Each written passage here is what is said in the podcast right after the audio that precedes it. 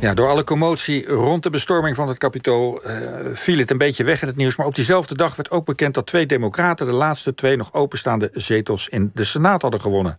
In Georgia. Dat was op zich al bijzonder omdat er al tientallen jaren de Republikeinen de dienst uitmaakten. Maar nog bijzonderder was de verkiezing van Raphael Warnock, een zwarte dominee. Dat was echt een unicum. Wij hebben nu Laura Visser-Maassen te gast, Amerikaniste aan de Universiteit van Nijmegen en gespecialiseerd in Afro-Amerikaanse geschiedenis. En zij praat vanuit Nijmegen mee. Goedemorgen. Ja, goedemorgen. Uh, ja, even over, nog over het, voor we, voor we het over Warnock gaan hebben. De afgelopen dagen is er ook veel gesproken over de softe aanpak van de bestormers van het kapitool. En gezegd dat als het om zwarte of linkse activisten gegaan was, dat er dan veel harder was ingegrepen. Uh, ben je het daarmee eens? Uh, ja, absoluut. het bewijs is er gewoon als je kijkt naar um, de opnames van politiereacties op zwarte protesten, niet alleen in Washington, maar over heel Amerika, dan uh, is, is dat bewijs uh, overduidelijk aanwezig. Dan staan de politieagenten in volledige riot gear met wapens, uh, traan, traangas en dergelijke. Dus daar is wel degelijk iets aan de hand. Ja, en is dat, is, is dat ook altijd zo geweest dat er anders werd gereageerd? Is dat in het verleden ook zo geweest dat er op wit rechts minder hard wordt aangepakt dan zwart of links? Uh, in het verleden wel, maar natuurlijk niet, niet alleen uh, in het verleden, maar ook in het heden. Een paar, uh, een paar maanden geleden was er in Michigan bijvoorbeeld ook een bestorming van, van het kapitool door in dit geval zogenaamde anti-lockdown demonstranten bij de gouverneur van Michigan. Um, en ja, die mensen kwamen daar eigenlijk in feite ook mee weg. Ja, goed. Laten we naar de verkiezing van Raphael Warnock gaan. Uh, kwam deze verkiezing van deze zwarte kandidaat voor jou als een, uh, ook zoals een verrassing zoals dat uh, in Amerika kwam? Um, nee, um, hoewel je dat natuurlijk niet hardop durft te zeggen... want het blijft natuurlijk het, het zuiden, het racistische rechtse zuiden. En de aanvallen vanuit die rechtse hoek um, op Warnock waren ook echt ongekend. Uh, hij werd uh, onterecht weggezet als een uh, radicale marxist, uh, als iemand die uh, alleen maar zwarte identiteitspolitiek neerzette, socialist en dergelijke. waarbij zijn tegenstander ook de zwarte kerk als, als geheel heeft aangevallen. maar waarschijnlijk hebben die aanvallen natuurlijk alleen maar geholpen om democraten en independents toch over te halen om te gaan stemmen.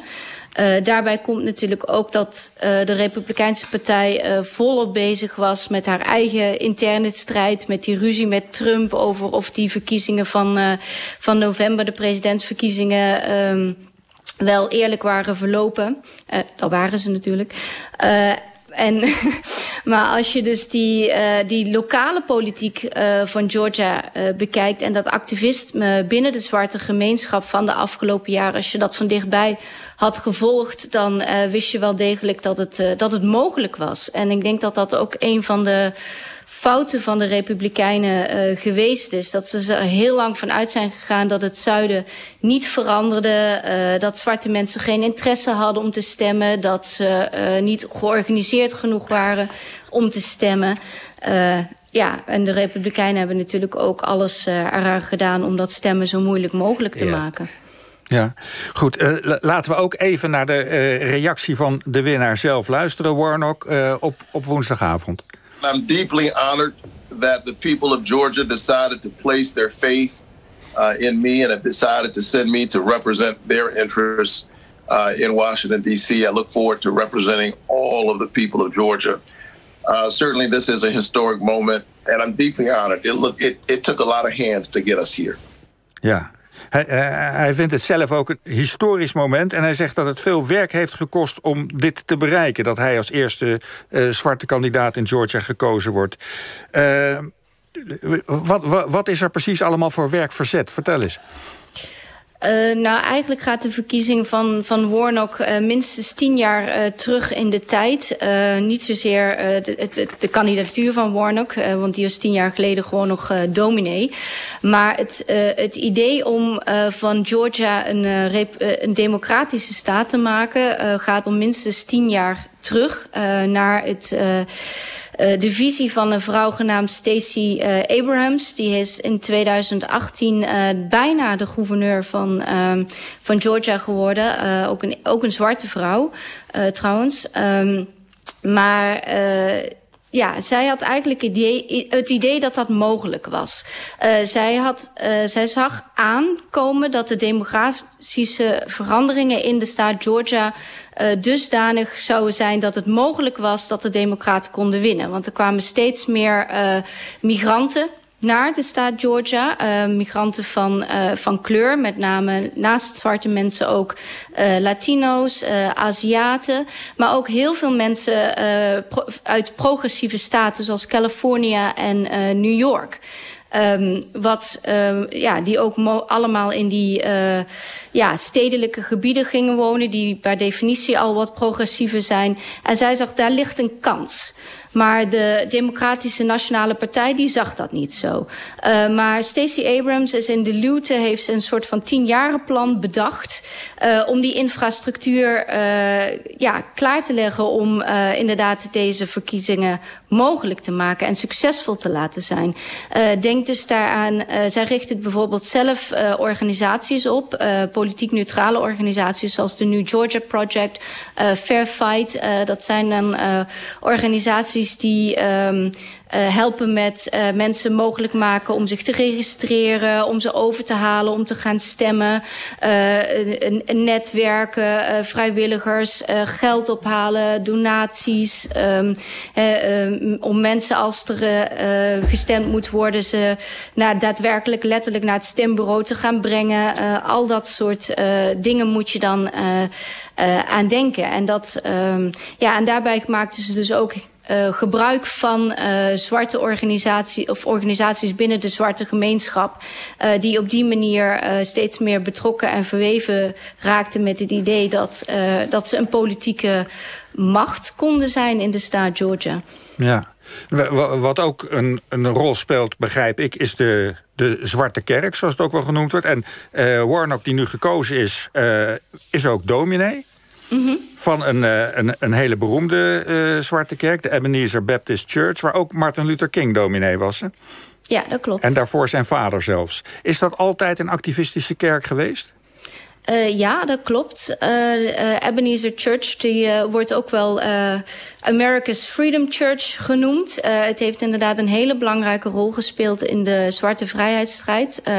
altijd al, vanaf het moment eigenlijk dat hij is opgericht. die is opgericht in de eind 19e eeuw door acht voormalige slaven. En uh, in 1894, als ik het goed heb, is de grootvader van Martin Luther King... Uh, werd daar pastoor, um, of dominee moet ik zeggen. En... Um, uh, toen was het nog maar een, een kerkje van, uh, van 13 mensen. En inmiddels is het echt een megakerk van iets van 6000 uh, leden. Um, maar het is, Ebenezer Church is onderdeel van de progressieve vleugel van de American Baptist Orde. Uh, en uh, vanaf eigenlijk het moment dat die grootvader van, uh, van Martin Luther King daar de dominee werd... Um, ja, zeg maar, werden er actieve pogingen onderhouden om de kerk en het gebeur, uh, wat er in de kerk gebeurt te linken aan de zwarte vrijheidsstrijd, aan het activisme. Uh, dus. Uh, en dat werd natuurlijk gedurende de 20e eeuw steeds, steeds sterker. Met het hoogtepunt natuurlijk de burgerrechtenbeweging van de jaren 50, de jaren 60. Uh, toen King daar dominee was, was de kerk uh, en is nog steeds um, een, uh, ja, werd het een belangrijke strategische plek om bijvoorbeeld massabijeenkomsten te houden, maar ook voor zwarte activisten om daar strategische planningen uh, bijeenkomsten ja. is, te houden. Is het nou zo dat wat je schetst, deze kerk en allerlei andere bewegingen, dat dus een heel brede basis is opgebouwd waar Warnock nu op van profiteert, is, is, is ja, wat wij absoluut. eigenlijk moeilijk kunnen zien, maar wat, dat het dus helemaal niet uit de lucht komt vallen. Dus die brede basis is heel belangrijk. Ja, absoluut. absoluut. Ja, zeg maar, uh, dat eigenlijk dat, dat lokale werk uh, achter de schermen, wat uh, ja, door heel veel mensen uh, is, is gedaan, hebben eigenlijk het pad gebaand Uh, zeg maar, verandering komt niet uit de lucht vallen. Daar moet altijd een bepaalde mate van organisatie en ja, infrastructuur achter liggen. Ja, en, en deze, deze nu gekozen persoon, kun je nog even iets over hem zeggen waardoor hij het geworden is, bij dit, dit de kandidaat is geworden van, van de zwarte gemeenschap? Waar, waar dankt hij dat aan? Ja, het is niet alleen de zwarte gemeenschap. Nee, maar goed. Ja. um, hij, uh, ik denk dat het uh, vooral te maken heeft met zijn, uh, ja, zijn, zijn progressieve platform. hij is iemand die een heel deel ehm, ja, progressieve doelen voorstond. zoals natuurlijk klimaatverandering... Um, hoe heet het? Uh, natuurlijk bredere uh, gezondheidszorg, ehm, meer uh, federale in, uh, hulp voor uh, arme mensen, minimumloon. natuurlijk de, de, de checks van 2000 dollar van mensen die getroffen zijn door de coronacrisis. die door Mitch McConnell in de Senaat de afgelopen maanden zijn tegengehouden. met wat argument heel duidelijk als, de als de Senaat democratisch wordt hierdoor, dan kunnen we deze checks wel uh, doen. Dat is natuurlijk ook een belangrijk argument geweest, denk ik, voor veel mensen om, uh, om op hem te stemmen. Uh, maar natuurlijk vooral zijn, zijn idee dat, ja, natuurlijk ook wel zijn, zijn religieuze achtergrond in die Zwarte Kerk, dat dat zeker tot, tot de verbeelding spreekt. Ja, want wordt hij gezien als een soort opvolger van Martin Luther King? Omdat dat hij dat ook letterlijk is als dominee van die kerk? Ja, absoluut. En uh, zo, ziet hij, uh, zo ziet hij zichzelf ook. Hij is ook iemand die altijd Martin Luther King ook al als, als voorbeeld heeft gehad. Hij heeft, is ook daadwerkelijk ook naar dezelfde universiteiten gegaan, bijvoorbeeld als, als Martin Luther King. en nu dus inderdaad de dominee van, die, van diezelfde kerk. Um, maar ideologisch gezien um, deelt hij dus dezelfde ideeën. Uh, het idee dus dat uh, het gospel, hè, de christelijke leer die hij aanhangt... dat die ingeeft wat zijn politieke standpunten en acties uh, zouden moeten zijn.